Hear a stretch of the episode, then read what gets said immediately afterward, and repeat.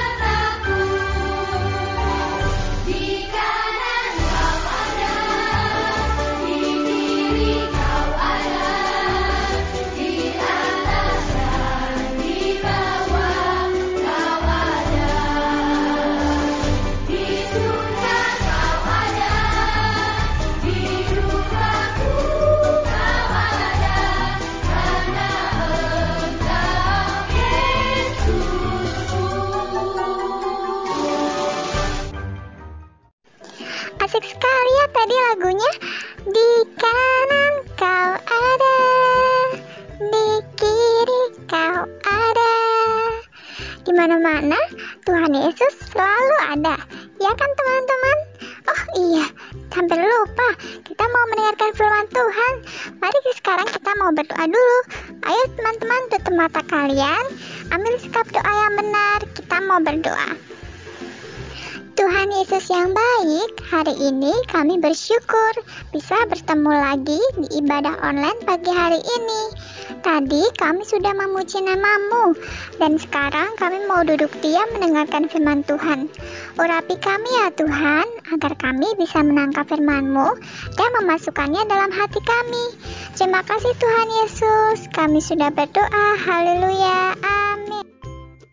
Teman-teman, masih ada yang ingat nggak bulan kemarin dia cerita apa? Apa? Wah, teman-teman ingatannya kuat sekali. Iya, betul. Kemarin kita belajar tentang kura-kura dalam perahu.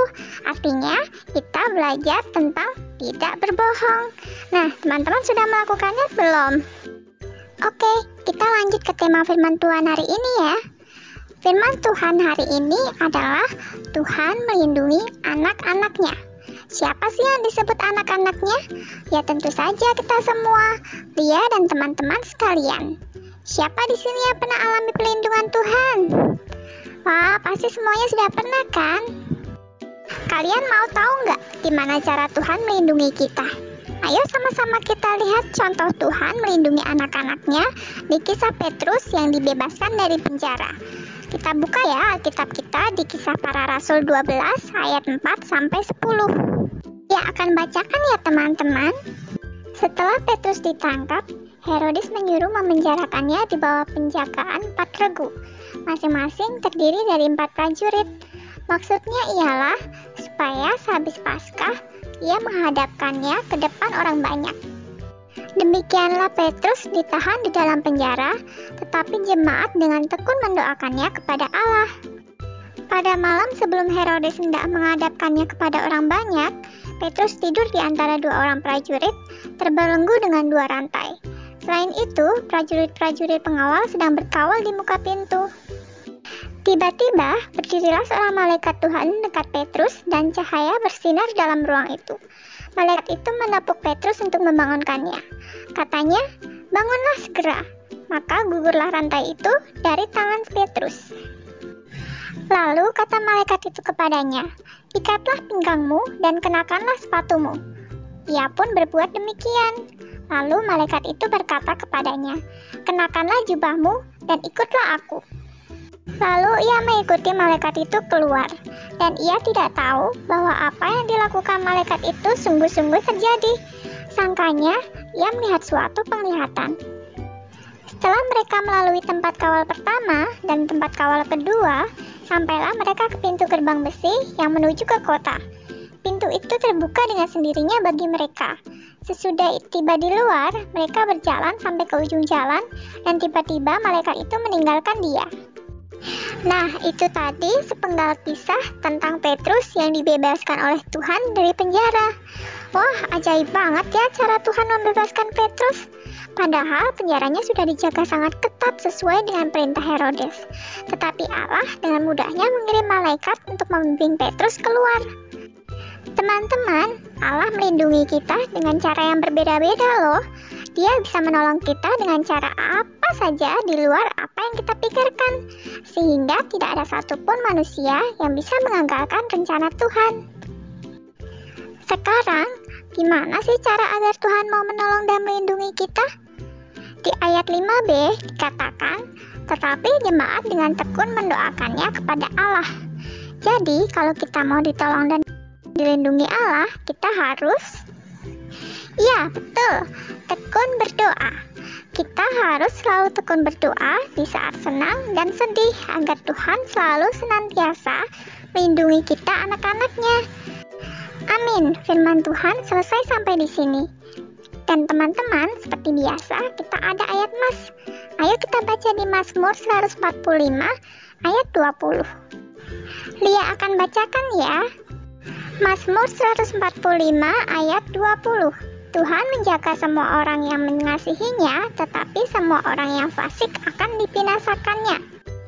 Jangan lupa dihafalkan ya teman-teman, dan jangan lupa juga kita harus selalu tekun berdoa ya teman-teman. Untuk mengakhiri ibadah online kita pada pagi hari ini, ayo kita tutup mata, kita mau berdoa ya teman-teman. Tuhan Yesus yang baik, hari ini kami bersyukur karena Engkau selalu melindungi kami dan menolong kami. Kami mau belajar menjadi anak-anakmu yang tekun berdoa agar Engkau senantiasa menolong dan melindungi kami. Kami juga berdoa untuk guru-guru sekolah minggu di mana pun mereka berada. Biar Engkau yang urapi dengan urapan yang daripadamu. Terima kasih Tuhan Yesus, kami sudah berdoa. Haleluya, amin. See you next time teman-teman.